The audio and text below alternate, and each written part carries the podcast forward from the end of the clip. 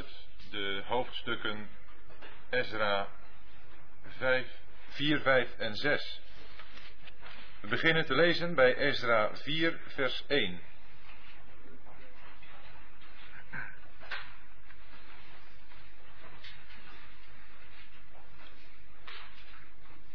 Ezra 4, vers 1. Toen de tegenstanders van Juda en Benjamin hoorden dat zij die in ballingschap waren geweest een tempel voor de Heere, de God van Israël, bouwden, kwamen zij tot Zerubabel en de familiehoofden en zeiden tot hen, laat ons met u bouwen, want wij zoeken uw God even goed als gij. Hem toch brengen ook wij offers sinds de dagen van Esarhaddon, de koning van Assur, die ons hierheen heeft doen optrekken. Maar Zerubabel, Jeshua en de overige familiehoofden van Israël zeiden tot hen, het gaat niet aan dat gij met ons een huis voor onze God bouwt, want wij alleen willen voor de Heere, de God van Israël, bouwen, zoals koning Kores, de koning van Perzië, ons geboden heeft. Toen ontmoedigde de bevolking des lands het volk van Juda en schrikte hen af van het bouwen.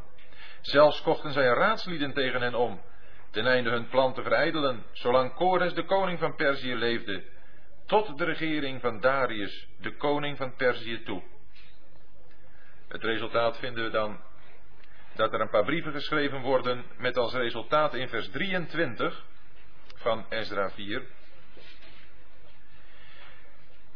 Nadat nu het afschrift van de brief van koning Artazasta voorgelezen was aan Rehum, Simsai de schrijver en hun ambtgenoten, begaven zij zich in allerijl naar Jeruzalem tot de Judeërs en deden hen met kracht en geweld de arbeid staken.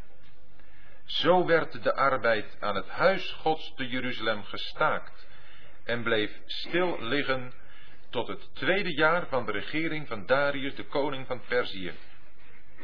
Maar de profeet Haggai en Zacharia, de zoon van Iddo, traden bij de Judeërs die in Juda en Jeruzalem woonden, als profeten op in de naam van de God van Israël. Toen maakten Zerubabel, de zoon van Sealtiel, en Jeshua, de zoon van Jozadak, zich op en begonnen te bouwen aan het huis van God die in Jeruzalem woont. En de profeten Gods stonden hun met hun hulp terzijde. Dan krijgen we een nieuwe poging de arbeid stil te leggen met een brief naar Darius, die toen koning was. En als antwoord vinden we dan in Ezra 6, vers 1. Toen gaf koning Darius bevel en men deed onderzoek in de boekerij te Babel, waar de schatten waren opgeborgen. En in Achmeta, de vesting in het gewest Medië, werd een rol gevonden waarin het volgende geschreven stond. Oorkonde. In het eerste jaar van koning Kores gaf koning Kores dit bevel. Wat betreft het huis Gods te Jeruzalem, dat huis moet worden herbouwd tot een plaats waar men slachtoffers brengt. En zijn fundament moeten worden gelegd. Zijn hoogte moet 60 el bedragen, zijn breedte 60 el. Er zullen drie lagen steenblokken zijn en één laag hout. De kosten moeten uit de koninklijke schatkist betaald worden. Ook zal men de gouden en zilveren voorwerpen van het huis Gods, welke Nebukadnezar uit de tempel te Jeruzalem heeft gehaald en naar Babel gebracht, teruggeven opdat het naar de tempel te Jeruzalem op zijn plaats komen en ge zult het nederzetten in het huis Gods. Nu dan Tatnai, stadhouder van het gebied over de rivier, Starbosnai en hun ambtgenoten, de ambtenaren van het gebied over de rivier, gij moet u verhouden vandaar. Laat de arbeid aan dat huis Gods toe. En dan vers 13. Toen deden Tatnai, de stadhouder van het gebied over de rivier, Starbosnai en hun ambtgenoten nauwkeurig overeenkomstig hetgeen koning Darius hun had gelast. De oudsten der Judeërs bouwden voorspoedig voort tijdens het profeteren van de profeet Haggai en van Zacharia de zoon van Iddo. Zij voltooiden de bouw volgens het gebod van de God van Israël en volgens het bevel van Kores, Darius en Artazasta, koning van Perzië, en zij waren met dit huis gereed tegen de derde dag van de maand Adar. En wel in het zesde jaar van de regering van koning Darius. Toen vierden de Israëlieten, de priesters, de levieten en de overigen die in de ballingschap geweest waren, de inwijding van dit huis Gods met vreugde en offerden ter inwijding van dit huis Gods honderd stieren, tweehonderd rammen en vierhonderd lammeren. Verder twaalf geitenbokken tot een zondoffer voor geheel Israël, naar het getal der stammen Israëls. Ook plaatsten zij de priesters in hun afdelingen en de levieten in hun klassen, met het oog op de dienst van God die in Jeruzalem woont, naar het voorschrift van het boek van Mozes. En op de veertiende van de eerste maand vierden zij die in de ballingschap geweest waren het paascha. Want de priesters en de levieten hadden zich gereinigd als één man. Zij allen waren rein. Zo slachten zij het paascha voor allen die in de ballingschap geweest waren, en voor hun broeders, de priesters, en voor zichzelf. De Israëlieten die uit de ballingschap waren teruggekeerd, aten het. En tevens ieder die zich van de onreinheid van de heidenen des lands afgescheiden en zich bij hen gevoegd had om de Heere, de God van Israël, te zoeken.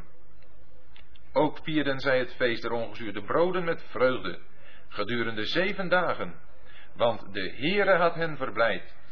Hij had het hart van de koning van Assur tot hen gewend, om hen te steunen bij de arbeid aan het huis van God, de God van Israël.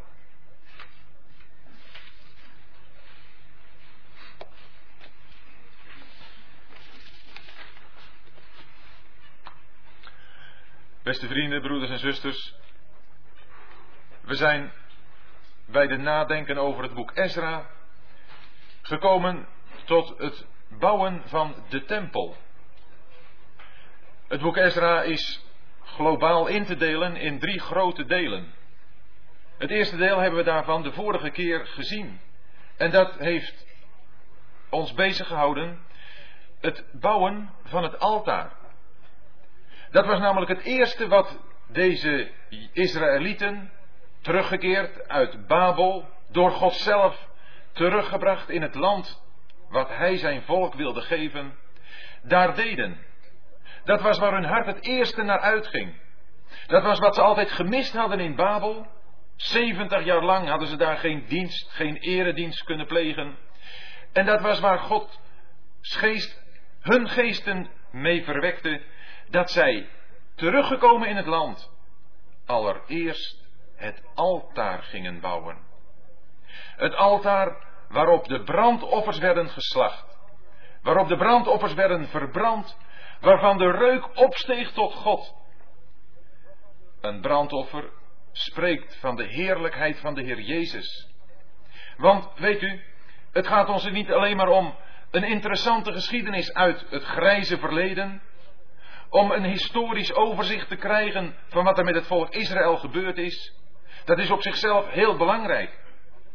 Maar dan zouden we kunnen vervallen tot een alleen maar historische beschrijving en het bestuderen daarvan. Maar we weten uit het Nieuwe Testament dat alles wat God gezegd heeft over Israël voor ons een geestelijke betekenis heeft. We zouden het Oude Testament ons kunnen voorstellen als een beeldenboek, een platenboek, waarin we illustraties vinden van dat wat God in het Nieuwe Testament aan waarheden heeft ontvouwd, maar dan voor ons in een geestelijke zin. Een hele duidelijke voorbeelding daarvan, een afbeelding daarvan, denk ik dat we vinden in wat we hier nu gelezen hebben, de tempel. Want in het Nieuwe Testament spreken we over de tempel van de levende God. Daar spreken we over het huis van God, de woonplaats van God in de geest. Zoals we dat hier vinden, gebouwd uit letterlijke stenen. Vinden we het in het Nieuwe Testament dat dat een geestelijk huis is, gebouwd uit levende stenen, 1 Petrus 2. En telkens wanneer we dus iets lezen in het Oude Testament, dan zullen we daar een betekenis aan moeten hechten, daar zullen we daar een verklaring van moeten krijgen, duidelijkheid over moeten hebben, wanneer we daar het licht van het Nieuwe Testament op laten schijnen. Daarbij zijn we niet overgeleverd aan ons eigen menselijk inzicht, gelukkig niet. Maar we vinden in het Nieuwe Testament de volle ontvouwing van de waarheid van God. Want het grote verschil tussen wat het Oude Testament betreft. En het Nieuwe Testament, dat is dat tussen die twee perioden het kruis van de Heer Jezus Christus hier op aarde heeft gestaan. En in de Heer Jezus Christus is volkomen God geopenbaard. Wie mij gezien heeft, heeft de Vader gezien. Dat kon de Heer Jezus zeggen. De Vader was niet geopenbaard, verklaard, in die volle zin, zoals de Heer Jezus dat deed in het Oude Testament. Dat was pas in Hem te zien. Maar nadat de Heer Jezus het werk heeft volbracht, toen heeft Hij gezegd, ik vaar op naar mijn God en uw God, naar mijn Vader en uw Vader. Daar is het niet alleen zo dat de Heer Jezus de Vader heeft verklaard, ten volle, zoals het in het Oude Testament niet bekend was, maar daar heeft Hij ook zij die met hem en zijn werk verbonden zijn, in een totaal nieuwe verhouding tot God geplaatst. Die verhouding die hij van eeuwigheid kende, als vader. En nu mogen zij, die de Heer Jezus hebben aangenomen, zij mogen God als vader kennen. En wat de vader nu zoekt, wat de vader verlangt, dat is wat Johannes 4 zegt. Hij verlangt aanbidders aanbidders in geest en waarheid. Maar daar hebben we het alweer. Het gaat om aanbidding in geest en waarheid. Want het tweede geweldige gevolg, het tweede geweldige verschil tussen het Oude Testament en het Nieuwe Testament is dat toen de Heer Jezus teruggekeerd was naar de hemel, de Heilige Geest op aarde kwam wonen in de gemeente. Dat heeft een radicale verandering gebracht in het hele bestel van God met deze wereld. Psalm 115 zegt dat hij de aarde heeft gegeven aan de mensenkinderen en dat de hemel zijn woonplaats is. Maar wat leren we nu?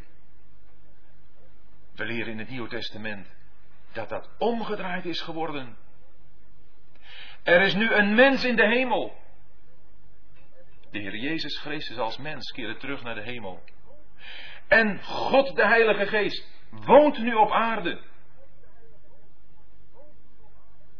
Dat is een verschil waarvan de resultaten, waarvan de consequenties enorm verstrekkend zijn. Ook met betrekking tot wat ik aanhaalde uit Johannes 4, dat wij de Vader mogen aanbidden in geest en in waarheid. Wat deze Israëlieten teruggekeerd uit Babel deden, was in typische, in zinnebeeldige betekenis aanbidding aan God. Dat was op de plaats die God verkoren had, zoals Deuteronomium dat keer op keer zegt, die God verkoren had om zijn naam daar te doen wonen, daar te komen met brandoffers. Met offers, zoals de Hebreeënbrief dat zegt, van lof en dank. Met wat hun harten dankbaar had gestemd. En dat wat ze in beeld gezien hadden van de Heer Jezus. Daar verlangt de Vader naar. En dat was het eerste wat deze 42.000 ongeveer die terugkwamen uit Babel deden. Zij richten het altaar op zijn fundamenten op. En ik hoop dat wanneer u er iets van hebt, begrepen in uw eigen persoonlijk leven. Wat het is om een plaats te kennen. Wat het is om vanuit een plaats waar verwarring is, een plaats waar alles onzeker is, te gaan naar een plaats waarvan we weten dat dat de plaats is die God heeft verkoren, om op die plaats God te aanbidden. Hem te danken met een dankbaar hart voor dat wat Hij ons heeft laten zien van zijn geliefde zoon, van de Heer Jezus Christus. Ze deden dat, hebben we toen gelezen in Ezra 3, vers 1, als een enig man. Ze deden dat één van zin, één van gevoelen, zoals we dat ook vinden in Handelingen 2. De gemeente was aan één plaats bijeen en ze waren allen van dezelfde gedachten waren ze vervuld. Hun hart was vol, vol met betrekking tot de dingen van de Heer Jezus.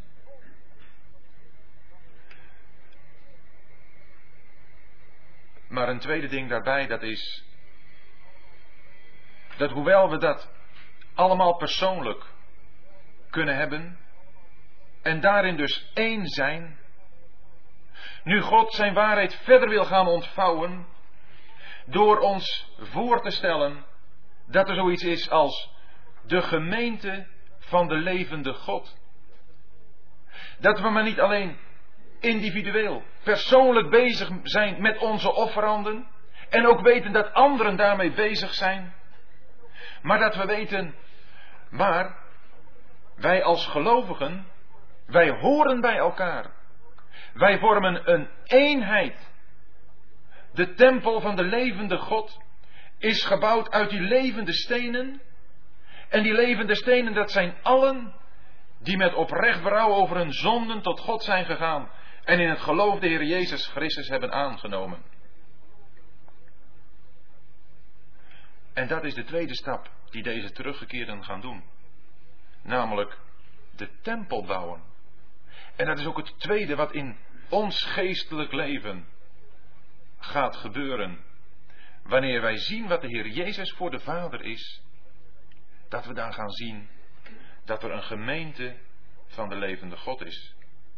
Dat er een woonplaats is van God, hier op aarde, waar God woont. Dat altaar namelijk, dat hoorde bij de tempel. En zo hoort een plaats van aanbidding, hoort bij de gemeente van de levende God, maar dan gezien als het huis van God. Een tempel is een huis. Een tempel, daarin wordt eredienst gepleegd. In het Nieuwe Testament, daar lezen we over de gemeente van de levende God in drie beelden.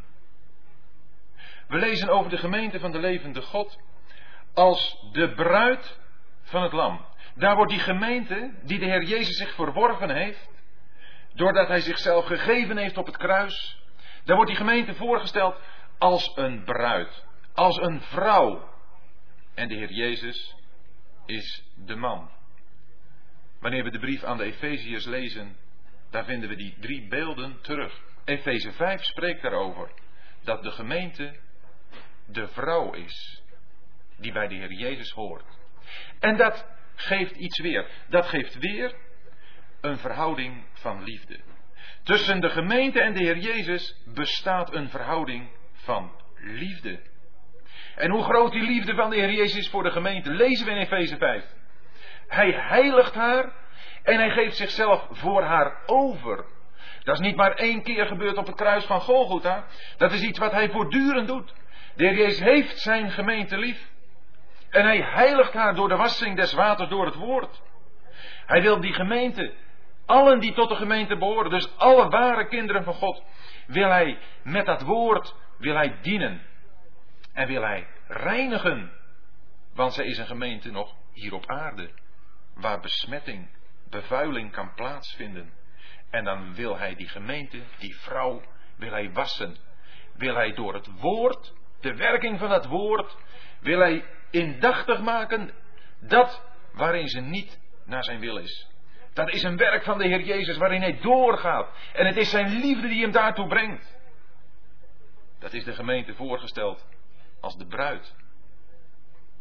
Maar in Efeze 1 aan het eind, dan vinden we de gemeente in een ander beeld. Dan vinden we de gemeente voorgesteld als het lichaam van Christus. Een lichaam stelt u iets anders voor. Een lichaam stelt voor dat daar een eenheid is, dat daar verschillende delen zijn, verschillende leden zijn met ieder een eigen functie, en dat dat lichaam bestuurd wordt door een hoofd. Dat is ook een heel belangrijk beginsel in het woord van God, om de gemeente te zien als het lichaam. Wel, dan komen we al iets dichter bij wat we hier in Ezra 4 tot en met 6 gelezen hebben.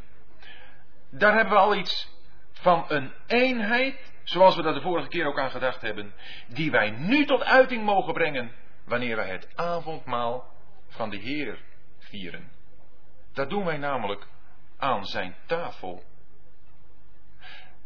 1 Korinthe 10 zegt dat wij de velen één brood zijn, één lichaam.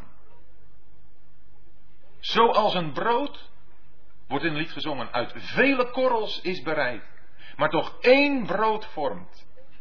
Dat brood, dat stelt die eenheid voor.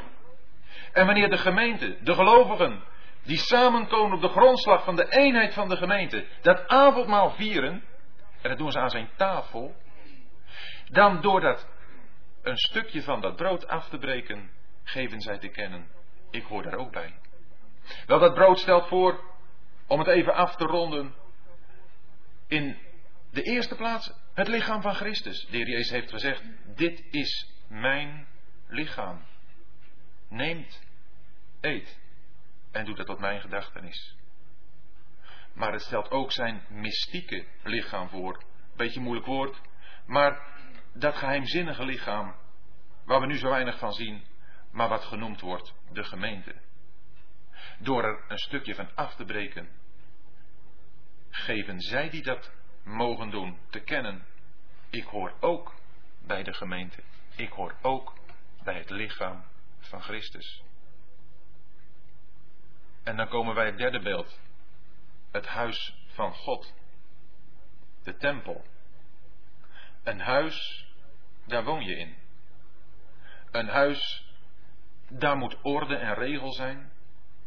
En dat huis dat moet beantwoorden aan de bewoner ervan. Wel, als het huis het huis van God is, dan is het duidelijk dat Hij daar de regels instelt. Wanneer u in mijn huis zou komen, dan heb ik daar mijn regels en ik neem aan dat u zich daar dan gedraagt zoals die regels daar gelden. Zo hoop ik dat ook bij u te doen. Wanneer ik me eens zou gedragen volkomen in strijd met de regels, dan zou u het grootste recht hebben om mij het huis te zetten. Maar ik vrees dat veel christenen met het huis van God zo handelen, alsof God niet de Heer van zijn huis is.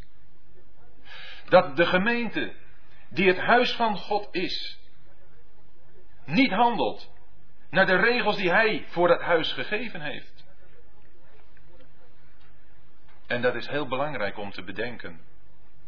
Dat wanneer we het hebben over de gemeente als het huis van God, daar een bepaalde orde, een bepaalde regeling aan verbonden is. Maar dan een regeling niet zoals wij die ons indenken, niet zoals wij die goed denken, maar zoals God die in zijn woord gegeven heeft. De tempel, zoals gezegd, bestaat uit gelovigen. De tempel van de levende God. En deze mensen die hier uit Juda, van Juda waren, teruggekeerd uit Babel, die begonnen waren te bouwen, die kregen tegenstand. Zo zijn we begonnen te lezen. Er waren anderen die wilden met hen gaan bouwen. De geest van God maakt dat in hoofdstuk 4, vers 1 direct duidelijk wat voor soort mensen dat zijn. Dat zijn de tegenstanders van Juda en Benjamin. Dus die is direct al duidelijk. Wel, wanneer wij warm worden, wanneer wij belangstelling krijgen en wanneer wij ons willen gaan inzetten voor de bouw van het huis van God, zowel in ons persoonlijk leven, dat wat het huis van God voorstelt, gestalte bij ons krijgt, of dat wij misschien gemeenschappelijk daar gestalte aan willen geven. Door misschien te gaan evangeliseren. Samen of persoonlijk. Maar dat doen we. Wanneer we gaan evangeliseren, dan proberen we bouwstenen toe te voegen aan het huis van God. Maar ook wanneer wij willen handelen naar de regels van het huis, dan zijn we bezig met de bouw van het huis. Dan kunnen we ervan op aan dat er tegenstand komt. Tegenstand die erop uit is het werk van God te verderven. Nou, daar leek het niet veel op. Deze mensen kwamen met een hele eerlijke vraag. Zeg, laten wij met jullie mogen bouwen. Maar de Judeërs trapten daar niet in. Zij maakten zich door hun spraak namelijk bekend. Ze zeiden in vers 2: Wij brengen offers Sinds de dagen van Esarhaddon, de koning van Assur die ons hierheen heeft doen optrekken. En wanneer wij in 2 Koningen 17 lezen wat de afkomst van deze bevolking is, dan zien we dat dat een gemengd ras is. Dan zien we daar dat zij mensen waren die de afgoden dienden en de heren dienden. En dat is een ten eenenmale onmogelijke zaak. Het is niet mogelijk om zowel de afgoden een beetje te dienen, als ook de Heere God een beetje te dienen. Dat is een gruwel in Gods oog. Het gaat erom dat wij alleen voor Hem willen zijn. Alleen Hem willen dienen. En daarom zeggen zij ook, het gaat niet aan dat gij met ons een huis voor onze God bouwt, want wij alleen willen voor de Heere, de God van Israël, bouwen. Nou, dat klinkt even arrogant. Dat klinkt even eigenwijs, hoogmoedig. Maar het is wel het enig juiste antwoord. Hoe zouden wij met mensen samen kunnen bouwen aan het huis van God? Die gemengd zijn in hun dienen van God. Wel, het is onmogelijk. Het is altijd tot verderf van het ware werk van God. Wanneer er mensen zijn die zowel voor deze wereld willen leven en toch ook nog voor godsdienstig willen doorgaan. En zij zijn erbij om wanneer er een geestelijke activiteit ontwikkeld wordt, zich aan te dienen als meehelpers. En dat door te hebben, geliefde vrienden, broeders en zusters, is van het grootste belang. God heeft van Israël gezegd in Numeri, en dat deed hij door monden, bij monden van de profeet Biliam, dit volk zal alleen wonen. Het zal onder de volken niet gerekend worden. Afzondering van het kwaad is Gods beginsel van eenheid. Dat is iets wat we diep in onze harten moeten laten doordringen. Dat God op geen enkele wijze met het kwaad verbonden kan zijn. Zo God wil, zullen we daar de volgende keer nauwkeuriger bij stilstaan in Ezra 7 tot en met 10. Maar het is van het grootste belang dat nu al door te hebben. Nu al te begrijpen aan de hand van wat we hier vinden. Dat God op geen enkele wijze verbonden kan worden met het kwaad. En dan ontmaskeren zij zich. Dan tonen zij hun ware aard. Wanneer dat aanbod is afgewezen, dan zien we hun werkelijke bedoelingen. In vers 4. Toen ontmoedigde de bevolking des lands het volk van Juda en schrikte hen af van het bouwen. Dan gaan ze aan de gang. Met acties. Preekacties. En de bevolking van Juda. Ze worden daardoor ontmoedigd. En dat is ook een hele belangrijke les voor ons. Wanneer er tegenstand komt op de geloofsweg die we willen gaan, dat we dan ontmoedigd worden. Ontmoediging is denk ik het sterkste wapen van de duivel. Dan laat je het erbij zitten. Dan ga je niet verder. En dan heeft de duivel gewonnen. Hier lukt het hem. We lezen dat deze mensen brieven gaan schrijven naar eerst Darius, in vers 6 Ahasveros en in vers 7 tenslotte Artazasta. En bij Artazasta daar lukt dat. Ze geven wel verkeerde, valse, leugenachtige redenen op. We lezen dat in vers 12. Dat zij daar schrijven, wel nu, het zij de koning bekend dat de Judeërs die van u naar ons zijn opgetrokken te Jeruzalem gekomen zijn. Zij zijn bezig die oproerige en slechte stad te herbouwen. Er was geen sprake van dat ze de stad herbouwden. Zij herbouwden de tempel. Maar toch, dit argument slaat aan. En Artazasta geeft bevel, nadat hij heeft onderzocht of het zo was. En inderdaad, daar waren duidelijk aanwijzingen in het verleden van Israël dat het een oproerige natie was. Dat zij niet verder mochten gaan met bouwen. En dan vinden we in vers 23 dat ze gewapend met dit gezag wat Artazasta hun gegeven had, deze brief, naar de Judeërs gaan en daar met kracht en geweld de arbeid doen staken. En de arbeid wordt gestaakt. Die arbeid, die komt een jaar of veertien stil te liggen. Ongeveer veertien jaar. Dat is een hele lange tijd. Dan wordt er niet gebouwd. Misschien kennen we in ons persoonlijk leven ook van die droogtes. In ons persoonlijk geloofsleven dat er perioden zijn dat we niet aan het bouwen zijn. Bouwen in de zin dat wij onszelf opbouwen door bezig te zijn met het woord van God. Of bouwen doordat we actief bezig zijn in deze wereld om mensen te spreken over de Heer Jezus. Bouwen als we met elkaar als gelovigen mogen spreken over de dingen van de Heer. Dan kan dat komen doordat er tegenstand was. Tegenstand die op de duur zo erg werd dat we er niet meer tegenop konden. Maar ik geloof dat de werkelijke oorzaak dat ze het erbij lieten zitten was dat ze hun belangstelling hadden verloren voor de dingen van Gods huis. Haggai en Zacharia zijn profeten die door God verwekt worden om het volk aan te moedigen weer aan de slag te gaan. In al die veertien jaar hoorde je niets meer van die tegenstanders. En dat komt omdat we in het boek Haggai lezen, en misschien is het goed om dat toch even met elkaar op te slaan, dat andere belangen de belangen van God hadden verdrongen. In het boek Haggai, het ene laatste, tweede laatste Bijbelboek van het Oude Testament, daar lezen we in vers 2, Haggai 1, vers 2.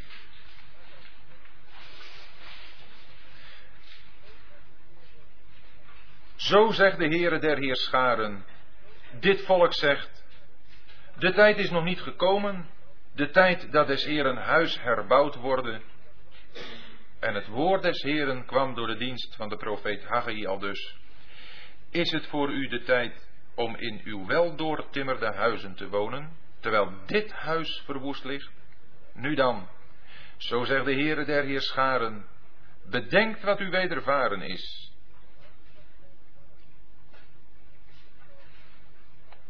U moet voor uzelf deze brief maar eens doorlezen. Maar de versen die we nu net gelezen hebben maken duidelijk dat zij waren gaan lopen voor hun eigen huizen, hun eigen belangen. Die hadden weer beslag gelegd op hun denken, beslag gelegd op hun interesse, beslag gelegd op hun geestelijke gevoelens. Zij waren weer bezig met de dingen van dit leven, van hier op aarde. En daardoor lukte het de vijand om hen te ontmoedigen. Daardoor kwam het. En ik zou nog een andere toepassing willen maken. Het lopen voor eigen huizen. Gebeurt het ook niet veel in de christenheid? Dat er naast het huis van God zoveel eigen huizen zijn. Zoveel heel zo heel veel eigen groeperingen waar men zich voor inzet. Mijn groep, mijn kerk, daar moet ik me voor inzetten. Maar niet voor het huis van God, de gemeente van de levende God.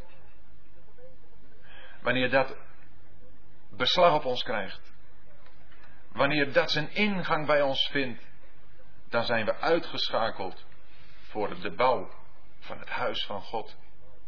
Dan komt die stil te liggen. Oh, en dan kunnen we nog zo actief zijn. Deze mensen waren actief. Als we Haggai lezen, dan liepen ze hard voor hun eigen huizen. Misschien zijn er ook velen in de christenheid zo die hard lopen voor een eigen kerk of groep. En toch, wanneer we het voor onszelf doen, dan is het resultaat waarvan God zegt: Ik blaas erin en er blijft niets over. Wanneer wij hier bezig zouden zijn voor onszelf, dan is dat voor God waardeloos telt niet mee. Eén ding is belangrijk: de bouw van zijn huis. En wanneer dat staakt, dan geeft hij profeten. Profeten worden door God altijd gestuurd wanneer daar laksheid is, vertraging is onder het volk van God, wanneer daar afval is en een afwijken van zijn woord. Haggai, de profeet, en Zacharia, de zoon van Edo. Het staat er zo heel kernachtig bij, bij Haggai, de profeet. En Zacharia was ook een profeet. Profeten Gods worden ze genoemd. Maar telkens als ze apart genoemd worden, is het Haggai, de profeet. En Zacharia, de zoon van Edo. Ze hadden namelijk allebei een eigen dienst. Zacharia, wanneer u zijn veertien hoofdstukken leest, spreekt over de toekomst. De heerlijke toekomst, waarin het vrederijk er zal zijn. Waar Christus als koning en priester op zijn troon zal zitten. En waar de heerlijkheid de tempel, het huis van de Heere zal vervullen. Dat is iets geweldigs om voor te stellen. Om zielen te bemoedigen, aan te moedigen weer aan het werk te gaan. Wanneer je ze mag richten op de toekomst. Op hoe het zal zijn straks. Dat is een bemoediging voor nu. Om voort te gaan. Maar Haggai was een man die meer profeteerde voor het hier en nu. Die zei wat er aan de hand was. Die praatte niet naar de mond van het volk. Hij toonde aan waar het aan schortte. De dienst van Haggai wordt over het algemeen minder gewaardeerd dan die van Zacharia. Het is heerlijk om over de toekomst te horen. Prachtig om daarover na te denken. Wat we allemaal zullen bezitten. Wat er dan allemaal niet meer zal zijn. En wat er dan allemaal wel zal zijn. Dat is prachtig. Maar de dienst van Haggai is even noodzakelijk. Want er zijn in uw en in mijn leven dingen aan te wijzen die veranderen moeten, die een verhindering zijn om nu voor het huis van God te werken. En dat heeft Haggai gedaan. Zij hebben daar opgetreden en ongeveer 23 dagen heeft het geduurd van de eerste boodschap die Haggai heeft gedaan totdat zij gingen bouwen. Maar dan gaan ze toch aan de slag in Ezra 5 vers 2. Toen maakten Zerubabel de zoon van Sealtiel en Jezua de zoon van Jozedak zich op en begonnen te bouwen aan het huis van God die in Jeruzalem woont. En de profeten Gods stonden hun met hun hulp terzijde. Daar vinden we een samenwerking van mannen die zich wilden inzetten, praktisch, voor het werk van God. En de profeten, die door tot hen te zeggen wat God hen in de mond gaf, hen ondersteunde, hen bemoedigde. Als Zacharia dat telkens weer voorstelt, hoe heerlijk het zal zijn als de Heer Jezus terugkomt. Als daar de tempel van God zal zijn. Als daar de heerlijkheid van Jehovah weer zal wonen. Dan kan het niet anders zijn als een geweldige bemoediging. En zo is het ook voor ons. Wanneer wij aan de slag willen gaan voor het huis van God, dan komen de bemoedigingen door middel van Gods woord, door middel ook van zijn dienstknechten tot ons, om door te gaan, om de arbeid weer aan te vatten. En ze gaan door. En met elkaar willen ze dat werk dan tot een eind brengen. Maar zodra ze aan het bouwen zijn geslagen, komen daar nieuwe beproevingen.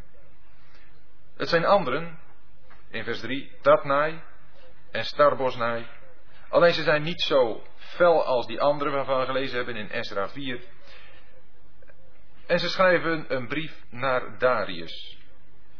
Koning Darius, die neemt kennis ervan, laat onderzoek doen en daar wordt inderdaad gevonden wat de aanleiding was voor de bouw. Namelijk, hoofdstuk 6, vers 3, dat koning Kores, de koning van Perzië, dit bevel had gegeven dat het huis Gods te Jeruzalem zou moeten worden herbouwd.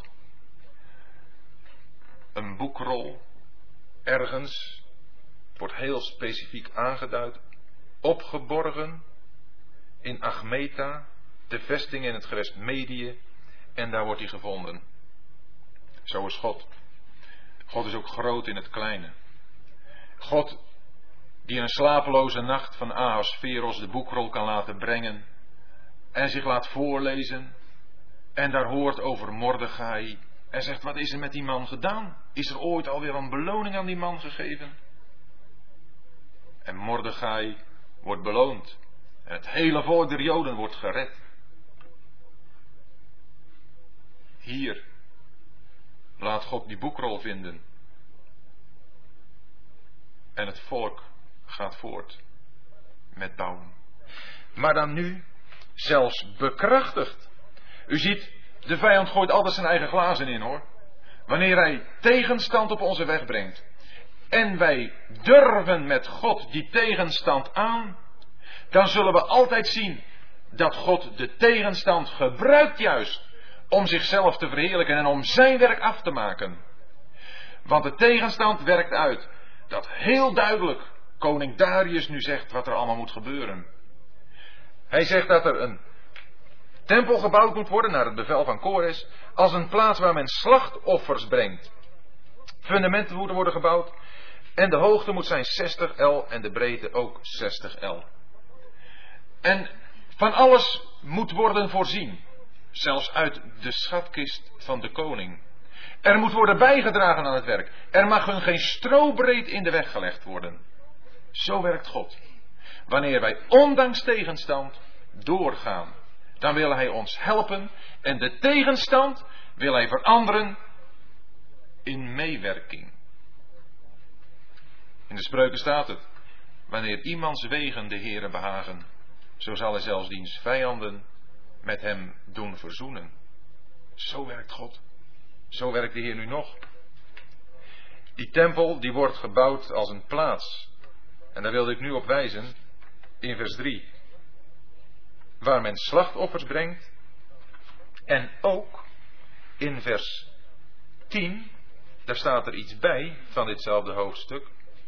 Opdat zij de God des hemels wel riekende offers kunnen brengen en bidden voor het leven van de koning en zijn zonen. In 1 Timotheus, daar lezen we, dat wil ik u even voorlezen, in 1 Timotheus 2.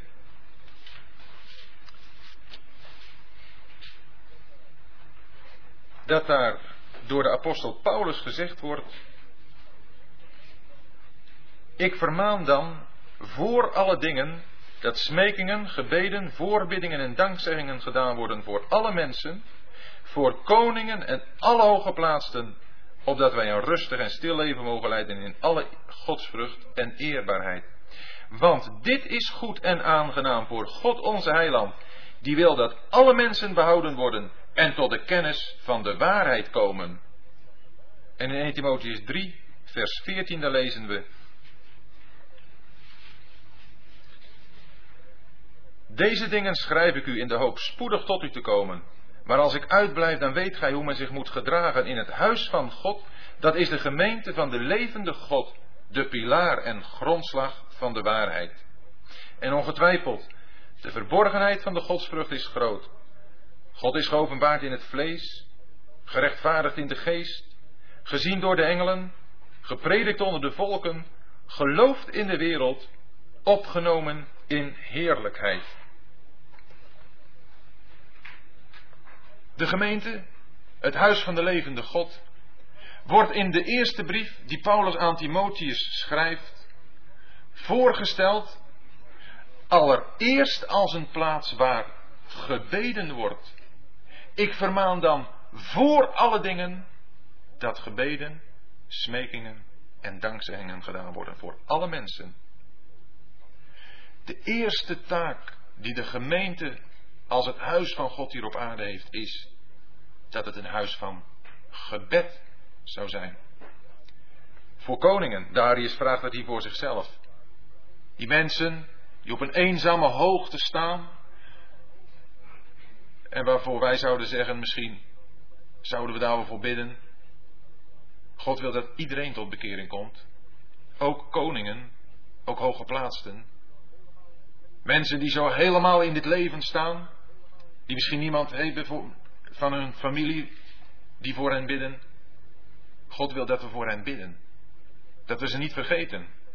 En Paulus zei het in een tijd dat die overheden niet de gemakkelijkste waren. Vreselijk om als christen in die tijd te leven. Bidden bewaart je dan ook voor opstandigheid. Bidden, dat brengt je in de tegenwoordigheid van God en maakt je hart zacht voor de ander. En gaat in liefde naar hem uit dan.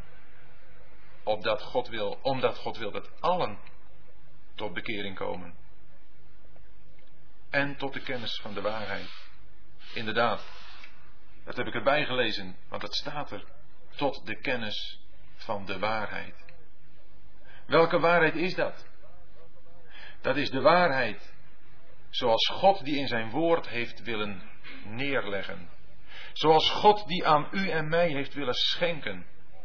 Die waarheid die volkomen verbonden is met het voorwerp van zijn hart, de Heer Jezus Christus. En daarmee ook met de gemeente die helemaal bij hem hoort, waarmee hij één is, waarmee hij de eeuwigheid, de eeuwige heerlijkheid zal delen. Die waarheid wil God u en mij bekendmaken. Daar mogen we voor bidden, voor elkaar. Daar mogen we elkaar over spreken. Kennen we de waarheid van de gemeente van de levende God als het huis van God? Als een plaats waar God woont. Waar we in de eerste plaats dus mogen bidden. Maar dan ook waar wij slachtoffers brengen. Waar wij welriekende offers kunnen brengen. Zo mogen wij als gemeente hier op aarde functioneren. Waar wordt dat gezien?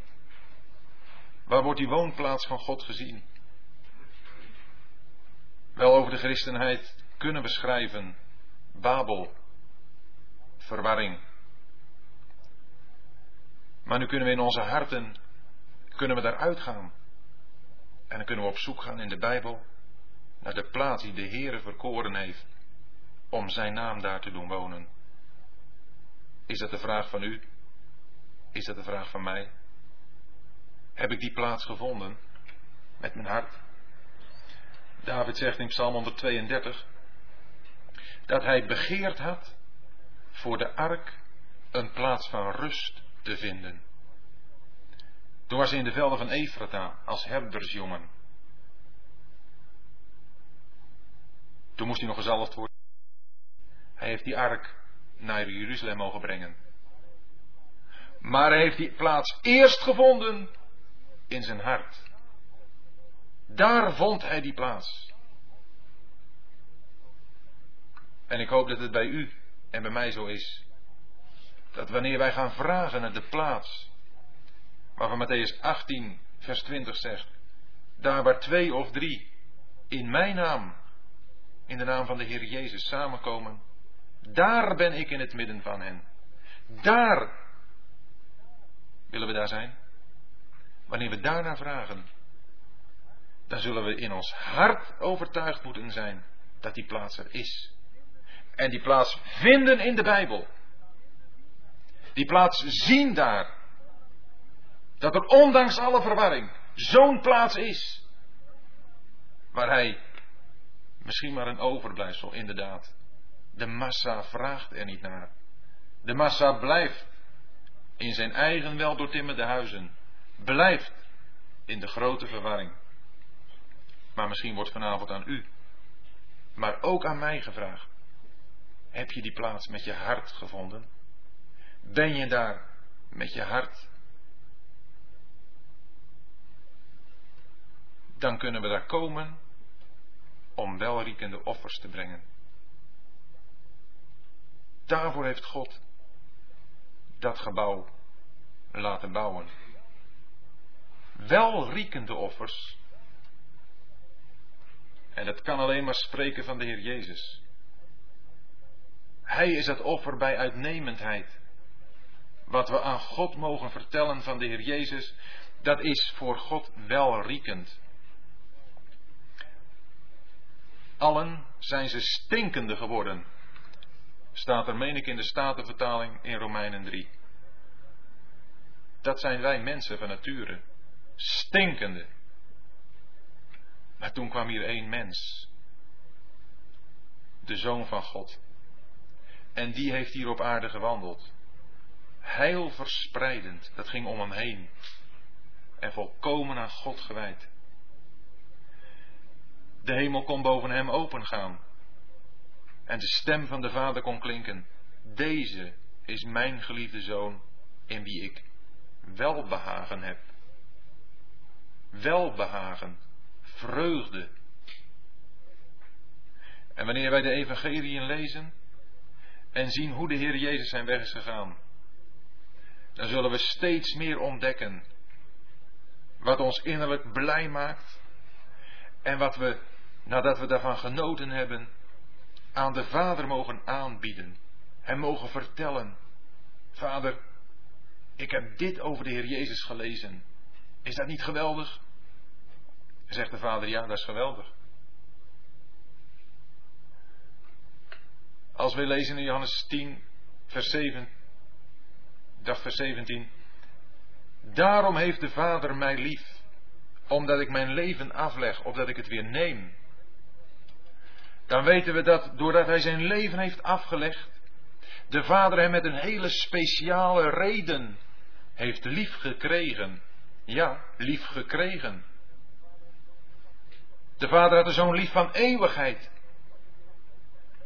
Maar toen de Heer Jezus zijn leven aflegde, toen gebeurde daar iets voor de eerste keer. Ook iets geheel unieks wat nooit meer nodig zal zijn. Maar wat voor de Vader een nieuwe reden gaf hem lief te hebben. Daarom heeft de Vader mij lief. Omdat ik mijn leven afleg, opdat ik het weer neem. En wij kunnen zeggen tegen de Vader, Vader, de Heer Jezus legde zijn leven af voor u. Maar wij mogen ook zeggen, Vader, de Heer Jezus legde zijn leven af voor mij. En dan vinden we daar een gemeenschap. Een gemeenschappelijk deel. Een gemeenschappelijk genieten, beschouwen van de Heer Jezus. Met hem bezig zijn. Wel, dat zijn lieflijke, dat zijn wel riekende offers die wij aan God mogen brengen. En dat mag gebeuren in het huis van God. Dat mag gebeuren op die plaats waar gelovigen als huis van God samenkomen. En waar ze aan het altaar mogen zijn. Waar ze dat brandoffer mogen brengen. Oh, het brandoffer van Leviticus 1, het spreekt er alleen maar van. De heerlijkheid van de Heer Jezus. En het is opmerkelijk te zien. Maar dat begint met te zeggen dat de Heer tot Mozes zei aan de tent der samenkomst. Dat is er zo heel nauw mee verbonden. Dat we als gelovigen samenkomen. Die tempel, dat is die eenheid omdat gelovigen samengevoegd zijn. Tot die woonplaats van God in de geest. En wanneer wij zo samen mogen komen, dan mogen wij met elkaar. En heel in bijzonder, wanneer we samenkomen aan de tafel van de Heer Jezus. Het altaar wordt ook genoemd de tafel van de Heer in Malachi en ook in Ezekiel. En in 1 Korinthe 10 vinden we daar een hele duidelijke verwijzing naar. Dat die tafel die staat in het huis van God, dat we daar mogen zijn en de dood van de Heer Jezus mogen verkondigen door deel te nemen aan het avondmaal. En dan mogen we daar bij uitstek de Vader die offers brengen, die welriekende offers. Nou, die Israëlieten, ze waren blij. Ze waren zo ongelooflijk blij dat toen ze het bouwwerk hadden voltooid, zij daar de offers ter inwijding konden brengen. Ze hebben, zegt vers 14, voorspoedig voortgebouwd onder het profeteren van de profeet Haggai en Zacharia, de zoon van Iddo. En zij voltooiden de bouw volgens het woord van de God van Israël. En vers 16 zegt, toen vierden de Israëlieten, de priesters, de levieten en de overigen die in de ballingschap geweest waren, de inwijding van dit huis Gods met vreugde. En offerden ter inwijding van dit huis Gods honderd stieren, tweehonderd rammen en vierhonderd lammeren, verder twaalf geitenbokken, tot een zondoffer voor geheel Israël naar het getal der stammen Israëls. Dat is nog een belangrijk ding waar ik u op zou willen wijzen. Dit handjevol was niet maar een nieuwe groep. Was niet maar een nieuwe secte. Maar dit handjevol was zich bewust van hun verbondenheid met het gehele volk van God. Dat het grote deel in Babel gebleven was, dat was jammer. Maar waar zij waren, dachten ze eraan dat het hele volk van God daar hoorde te zijn. En zij offerden die twaalf geitenbokken. Als zondagsmorgens bij de twee of drie dat brood gebroken mag worden, dan is dat ene brood een voorstelling. Niet alleen van die enkele gelovigen daar bij elkaar, maar van het hele volk van God. Wij de velen zijn één brood. De gemeente van de levende God over deze hele wereld verspreid. Of plaatselijk ook verspreid, wordt toch gezien in dat ene brood. En deze gelovigen in beeld, deze Joden die teruggekomen waren, ze zijn ze dat bewust geweest. En hoe armzalig en hoe armetierig het er maar was bij die inwijding. Dat kunnen we zien wanneer we het vergelijken bij de inwijding van de tempel van Salomo. Toen daar honderdduizend stieren geslacht werden. Honderdduizend. 122.000 meen ik. En nog eens 20.000 schapen. Dat was wat. Het bloed. Het altaar kon het bloed vanwege de menigte niet dragen. En toen het gebeurd was, toen kwam daar de heerlijkheid des Heren naar beneden en die vulde de tempel. En er ging een groot gejuich op van het hele volk. We vinden hier gejuich. Maar het zal misschien wat schamel geklonken hebben. We vinden hier maar een enkel offer in vergelijking met dat wat Salomo bracht. We vinden hier geen wolk van de heerlijkheid van de Heere. Wat we hier vinden in deze hele geschiedenis, dat is geloof. Niet de macht en de kracht van God uiterlijk werkzaam, ten gunste van zijn volk, maar een volk bewust van hun zwakheid, van hun armoede, hun geringheid, maar vertrouwend op de macht van God. En daardoor kwamen ze klaar. En ze hebben gedaan naar wat er stond in het voorschrift van het boek van Mozes, zegt vers 18 aan het eind.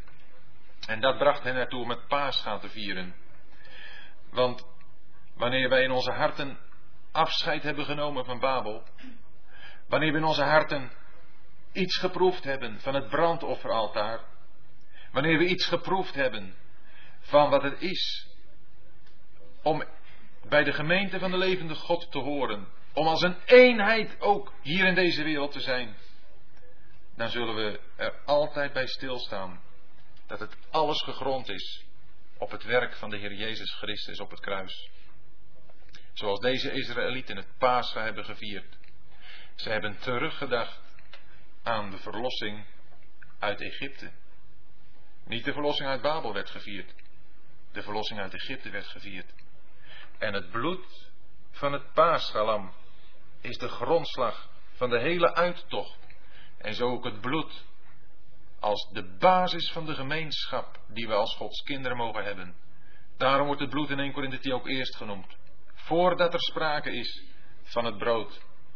Het bloed is dat die de gemeenschap van Christus dood. Dat even precies lezen.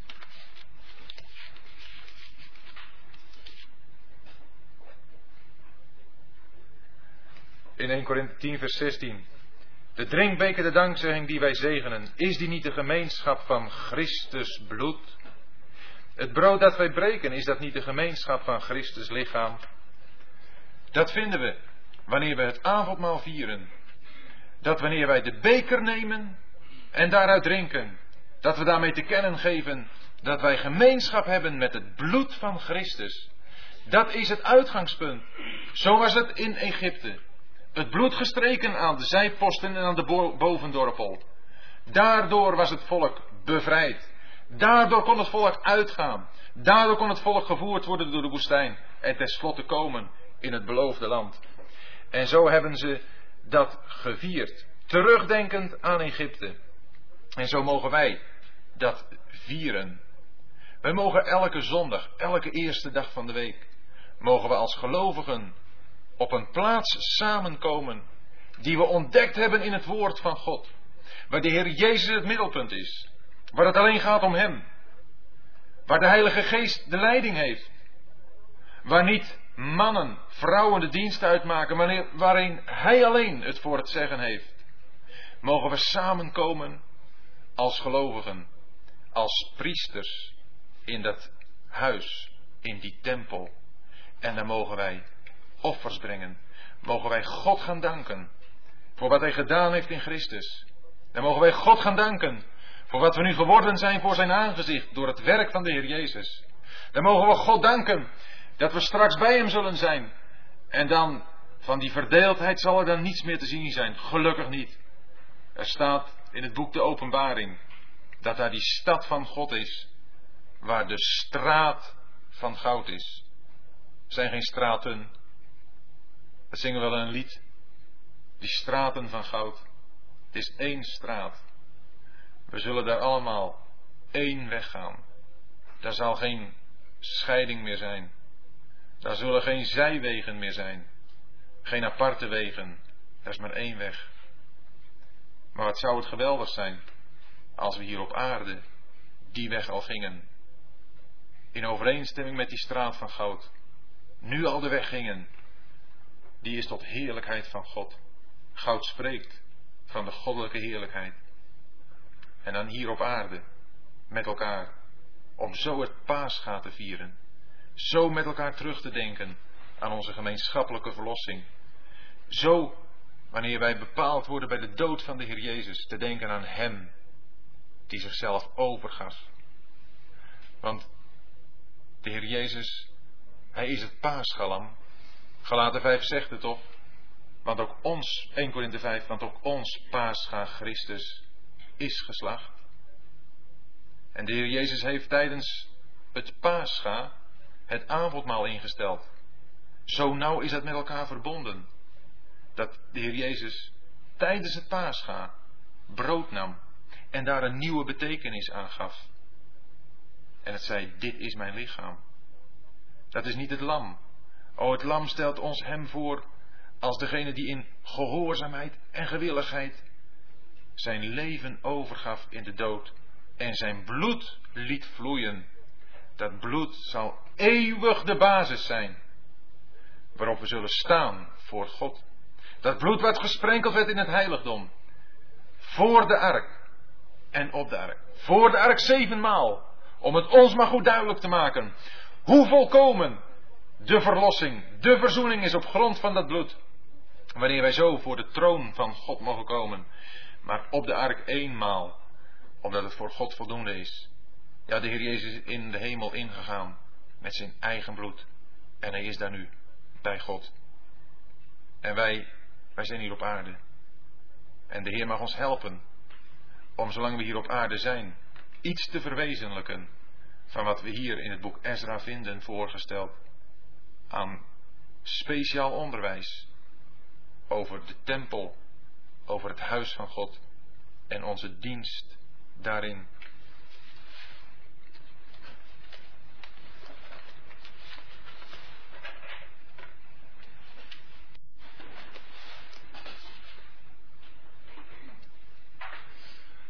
Ik heb hier als eerste vraag gekregen. Ik heb begrepen uit uw woorden dat meewerken aan de bouw van Gods huis door mensen die de Heren niet volkomen willen toebehoren, zoals vers 4 dat zegt. En dat is dan van. Oh, hoofdstuk 4, vers 1 dat zegt. Dat dat niet kan. Zou dit nu ook gelden ten aanzien van gemeentebouw, waarbij gebruik wordt gemaakt van vrijwilligersdiensten van ongelovigen? Ik denk inderdaad dat dat het geval is. En daarvoor zou ik iets willen voorlezen uit 2 Korinthe 6.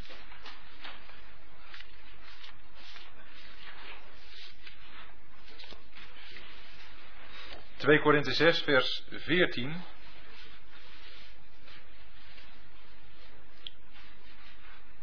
Daar lezen we. gaat niet met ongelovigen onder één juk.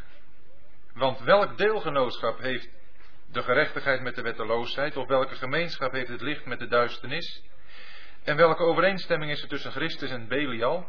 Of waaraan kan een gelovige met een ongelovige deel hebben? En welke overeenkomst heeft Gods tempel met de afgoden? Want gij zijt de tempel van de levende God. Zoals God gezegd heeft, ik zal onder hen wonen en wandelen, en ik zal hun God zijn, en zij zullen mijn volk zijn. Daarom gaat weg uit hun midden en scheid u af, zegt de Heer, en raakt niet aan wat onrein is, en ik zal u aannemen.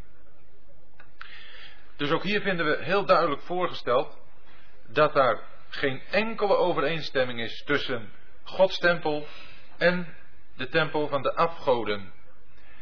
Er is tussen dat wat van God is geen enkele overeenstemming met dat wat van de tegenpartij is. Dat wordt in verschillende toonaarden in deze versen die we gelezen hebben naar voren gebracht. Dat vinden we in de twee hoofden, zoals we dat in vers 15 hebben, Christus en Belial.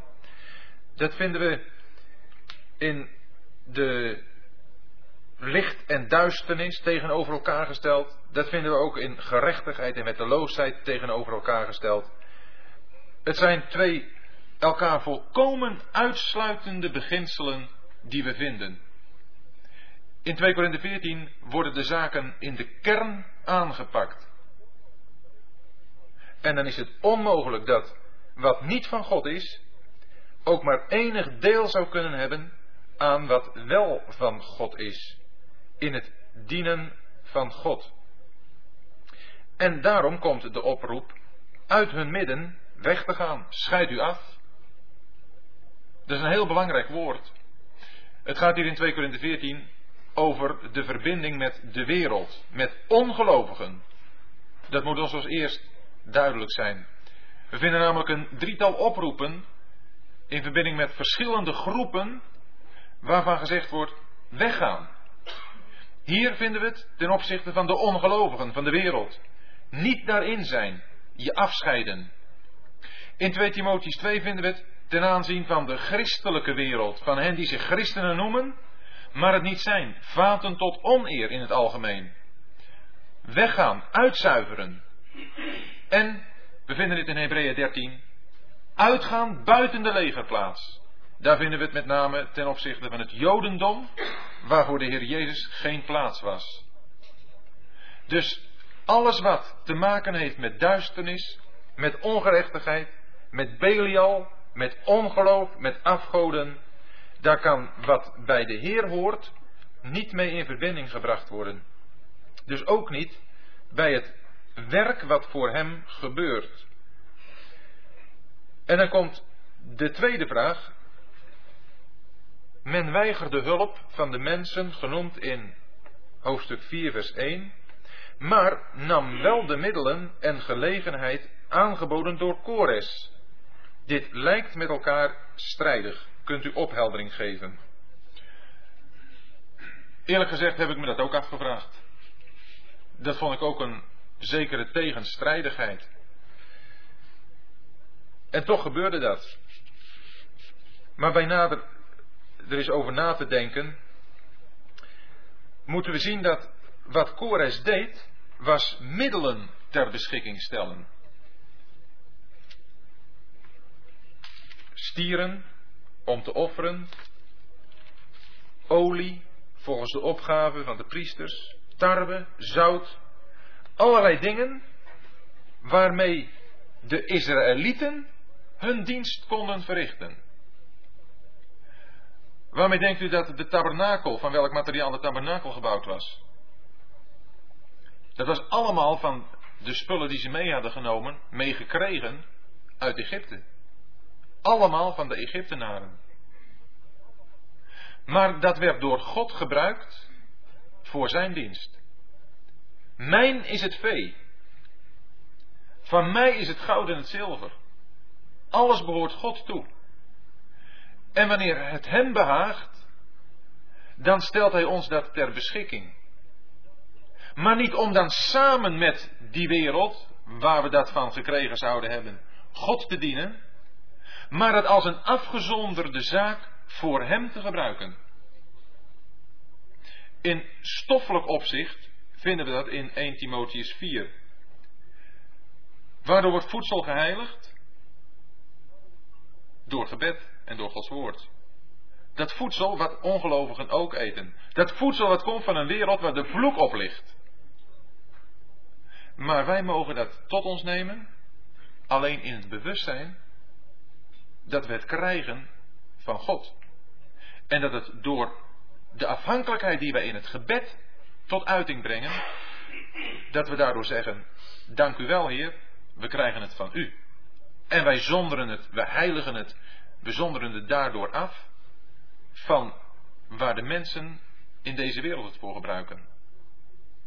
Dus zo denk ik dat de spullen, de middelen die zij krijgen, door middel van Kores, hun, dat zij die aanvaarden uit de hand van God.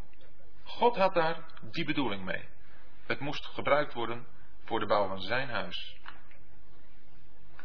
Ik weet niet of het een beetje een antwoord is, maar dat heb ik voor mezelf dus als conclusie getrokken.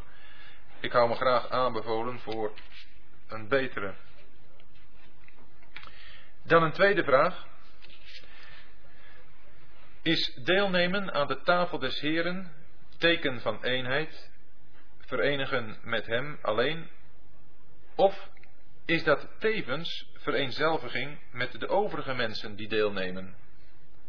Dit als verhindering ten opzichte van mensen die met duidelijke onreinheden in hun leven blijven. Het is een heel belangrijke vraag. Dan is het toch goed dat we even met elkaar dat gedeelte helemaal lezen uit 1 Korinthe 10.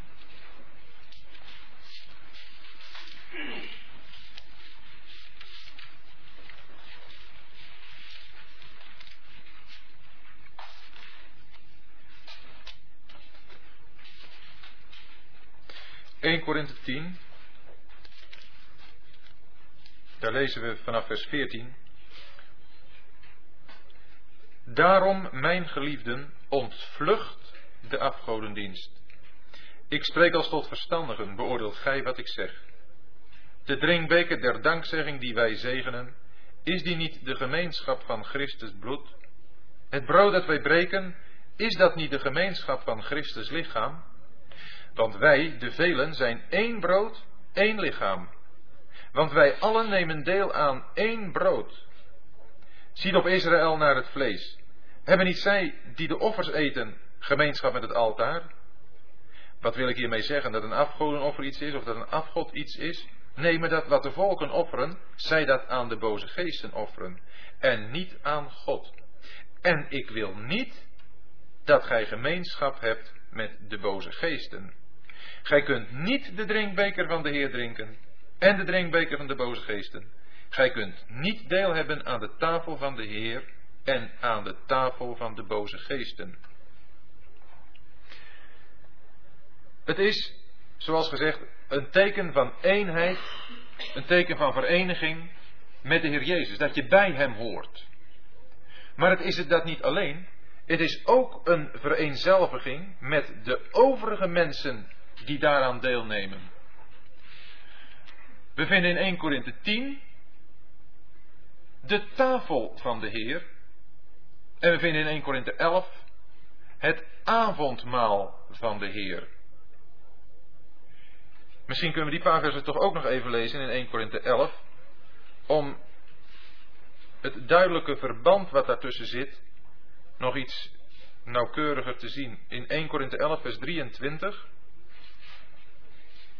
Want ik heb van de Heer ontvangen wat ik u ook overgegeven heb, dat de Heer Jezus in de nacht waarin hij overgeleverd werd, brood nam. En nadat hij gedankt had, brak hij het en zei, dit is mijn lichaam dat voor u is. Doet dit tot mijn gedachtenis. En evenzo ook de drinkbeker na de maaltijd. En hij zei, deze drinkbeker is het nieuwe verbond in mijn bloed. Doet dit, zo dikwijls gij die drinkt, tot mijn gedachtenis. Want zo dikwijls gij dit brood eet en de drinkbeker drinkt, verkondigt gij de dood van de Heer totdat hij komt. Daarom, wie op een onwaardige wijze het brood eet of de drinkbeker van de Heer drinkt, zal schuldig zijn aan het lichaam en het bloed van de Heer. Maar laat ieder zichzelf beproeven en zo eten van het brood en drinken van de drinkbeker. Want wie eet en drinkt, die eet en drinkt zichzelf een oordeel als hij niet onderscheidt het lichaam van de Heer. In 1 Korinthe 11, zoals we dat nu gelezen hebben, staat vooral de persoonlijke verantwoordelijkheid op de voorgrond. Die verantwoordelijkheid die op ons persoonlijk afkomt wanneer wij deelnemen aan het avondmaal van de Heer. Dan moet ik daar naartoe gaan nadat ik mezelf heb onderzocht. Vers 28 zegt zo maat en ieder zichzelf beproeven. Zijn er in mijn persoonlijk leven dingen die niet in overeenstemming zijn met wat ik aan dat avondmaal tot uiting ga brengen. En dat is namelijk de dood van de Heer. Wat betekent die dood? Die dood van de Heer betekent dat God met de mens van nature volkomen heeft afgerekend. Toen de Heer dood aan het kruis hing, was dat omdat hij daar voor mij stierf. En wilde ik voor God kunnen leven, voor God kunnen bestaan, met God in verbinding worden gebracht, dan moest er over mij, zoals ik van nature was, het oordeel komen. Als ik persoonlijk dat had moeten ondergaan, dan betekende dat voor eeuwig in de hel. Maar God had mij te lief. Zo lief dat hij daarvoor zijn zoon wilde opofferen. Dat zijn zoon het verzoeningswerk zou volbrengen. Maar dat wat ik verdiend had, werd omdat het de Heer Jezus betrof, niet minder. Het volle oordeel over wat ik ben en wat ik gedaan had, trof hem. En hij hing daar dood.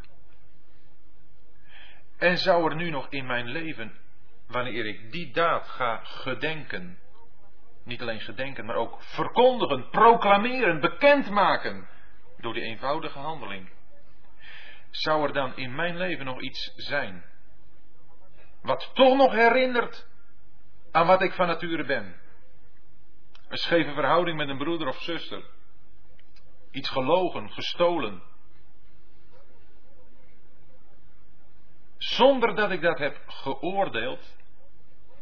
Zonder dat ik daarmee in het licht van God geweest ben. En hem dat beleden heb, erkend heb. En ook tegenover degene die ik het gedaan heb. Zou ik zo dan deelnemen aan het avondmaal van de Heer. Dan zou ik een huigelaar zijn. Want ik proclameer, ik verkondig de dood van de Heer. Dat is Gods radicale afhandeling van wie ik al van nature ben. Dat op grond van een natuurlijke mens er geen mogelijkheid van vereniging, verbinding met God was. Het is de dood van de Heer. Het is het avondmaal van de Heer wat we mogen vieren. We mogen dat gedenken met Hem als de levende in ons midden, jazeker. En we mogen dat gedenken als degene, misschien kunnen we dat ook nog even lezen uit Galaten.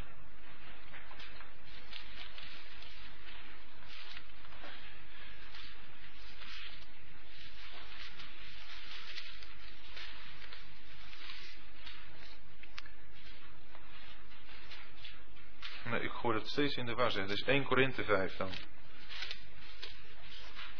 Ja, in, in 1 Korinthe 5.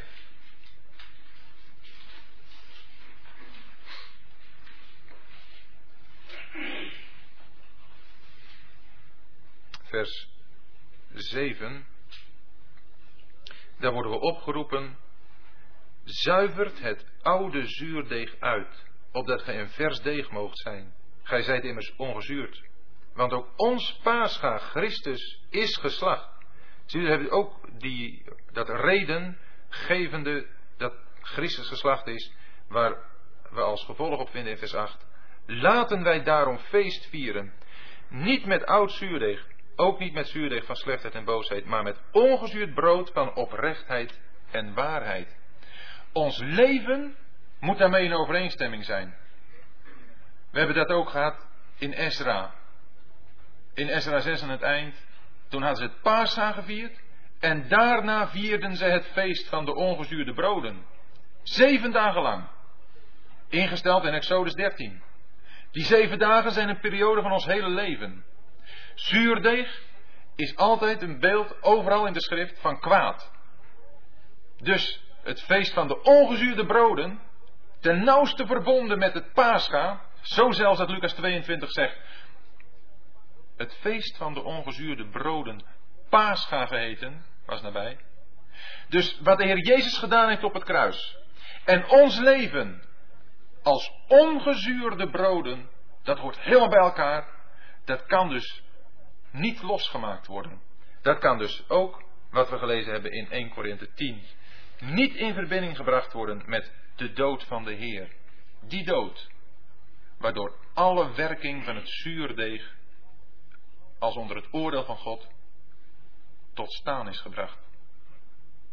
Dus het kan en het mag in ons leven geen werking meer hebben. En als het er toch gehad heeft, dan weten we dat wanneer wij gezondigd hebben, dat we onze zonden moeten beleiden. Dat is dat beproeven, erkennen, zien of er wat is. En zo kunnen we dan gaan. Zo kunnen we het avondmaal gaan. Maar dat is, zoals gezegd, onze persoonlijke verantwoordelijkheid. Maar 1 Korinthe 10, daarin gaat het nou om onze gemeenschappelijke verantwoordelijkheid. En het is van het grootste belang om dat te zien. Het gaat me niet om een persoonlijke inschatting van mijn eigen geestelijke toestand, maar het gaat ook om een in reinheid bewaren van de tafel van de Heer. Ook om een gemeenschappelijke verantwoordelijkheid. Ook om een toezien daarop dat op die plaats waar het avondmaal van de Heer gevierd wordt, ook door anderen geen onreinheid wordt gebracht. Daar hebben wij namelijk met elkaar de verantwoordelijkheid voor. Die tafel is een beeld van gemeenschap. En wanneer wij, de beelden zijn heel duidelijk in 1 Korinthe 10, wanneer wij mensen zouden toelaten die gemeenschap hebben doordat zij iets geofferd hebben aan de boze geesten, dan wordt daarmee de tafel van de Heer verontreinigd. Het is namelijk onmogelijk om deel te hebben aan de tafel van de Heer en aan de tafel van de boze geesten. Die twee sluiten elkaar uit. Wanneer dat toch gebeurt, dan moet dat kwaad worden weggedaan. Dan moet daar over gesproken worden in de geestelijke gezindheid. En wanneer iemand tenslotte naar alle vermaal niet wil luisteren, moet de persoon zelf van die plaats worden verwijderd, vereenzelvigd met het kwaad. De tafel van de Heer is een waarheid die we in de schrift vinden. Maar het is ook een waarheid waar we ook wel eens onze ogen voor sluiten omdat het inderdaad een gemeenschappelijke verantwoordelijkheid met zich meebrengt. Het is veel gemakkelijker om te zeggen dat ieder maar voor eigen verantwoordelijkheid aanzit. Maar de Heer drukt ons hier met de neus op de feiten dat wij ook ten opzichte van elkaar een verantwoordelijkheid hebben. En dat niet om als een soort politieagent op elkaar toe te zien of er misschien wel eens een keer iets van onreinheid zou kunnen zijn, maar in de liefde. Want de onreinheid die er is bij mijn broeder of zuster, is mijn eigen onreinheid. Het is namelijk dat wat wij gemeenschappelijk hebben met elkaar. Als wij die eenheid tot uiting mogen brengen aan de tafel van de Heer, dan is de onreinheid bij mijn broeder of zuster mijn onreinheid. En heb ik me daarmee bezig te houden in de geest van zachtmoedigheid, ziende op mijzelf, opdat ik ook ik niet in die overtreding val. En moet ik me met mijn broeder of zuster bezighouden in de gezindheid van de Heer Jezus. En dan moet ik me bezighouden met hem of haar door samen over dat kwaad te spreken in het licht van het kruis van de Heer Jezus, dat Hij daarvoor heeft moeten lijden.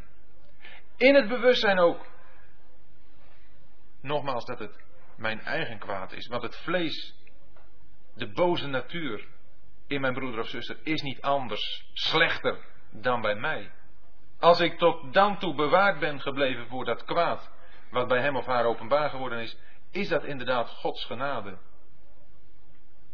Maar wanneer er tenslotte na alle bemoeienissen iemand niet wil luisteren, moet het kwaad worden weggedaan. Dat kan niet blijven bestaan in die tegenwoordigheid, die heiligheid.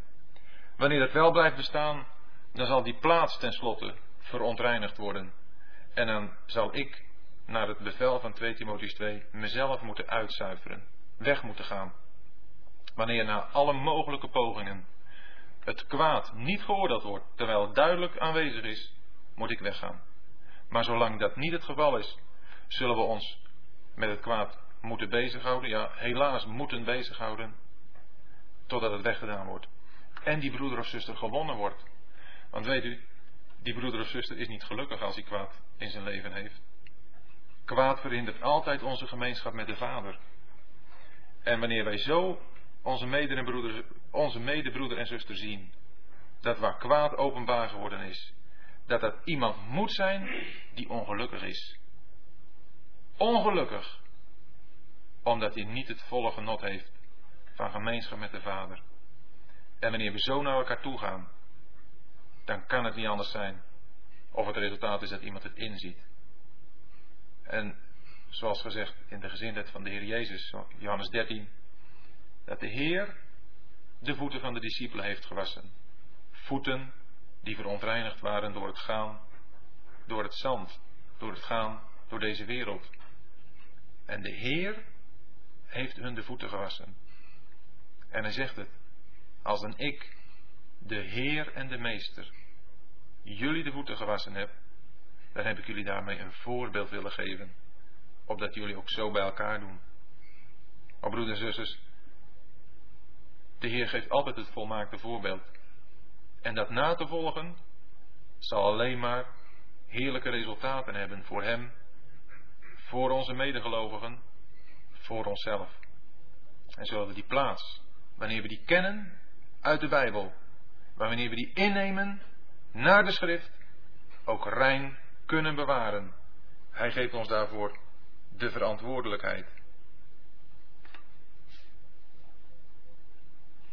Dus ik denk dat als de vraag gesteld wordt, als er verhindering ten opzichte van mensen is die een duidelijke onreinheid in hun leven hebben, dat daarmee gehandeld moet worden.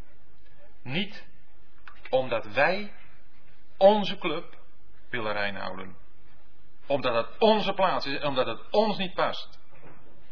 Ik hoop dat ik duidelijk geweest ben, ook vanavond. Dat het niet gaat om mensen, maar dat het gaat om de Heer en als we het hebben over een plaats waar de Heer Jezus is. En waar zijn tafel is, waar zijn avondmaal gevierd wordt. Dan gaat het om Hem. En als Hij het is die in de dood ging. Omdat wij die dood verdiend hadden door alles wat we misdreven hadden. Dan kan op die plaats toch niet meer iets komen wat in strijd is met het werk wat Hij volbracht. Dat is onmogelijk. Dat is voor ieder die geestelijk gevoelens heeft is dat duidelijk. Dat kan niet anders dan duidelijk zijn. En de Heer mag ons helpen. Om in onze zwakheid misschien, maar er toch heel duidelijk voor onszelf over te zijn. En wanneer het gebeurt, ook naar te handelen. Zijn er nog mondelinge vragen?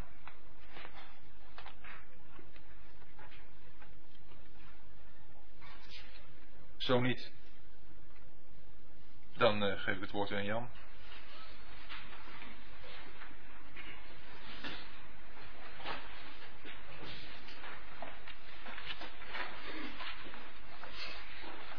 stel voor dat we nog twee coupletten zingen van lied 18.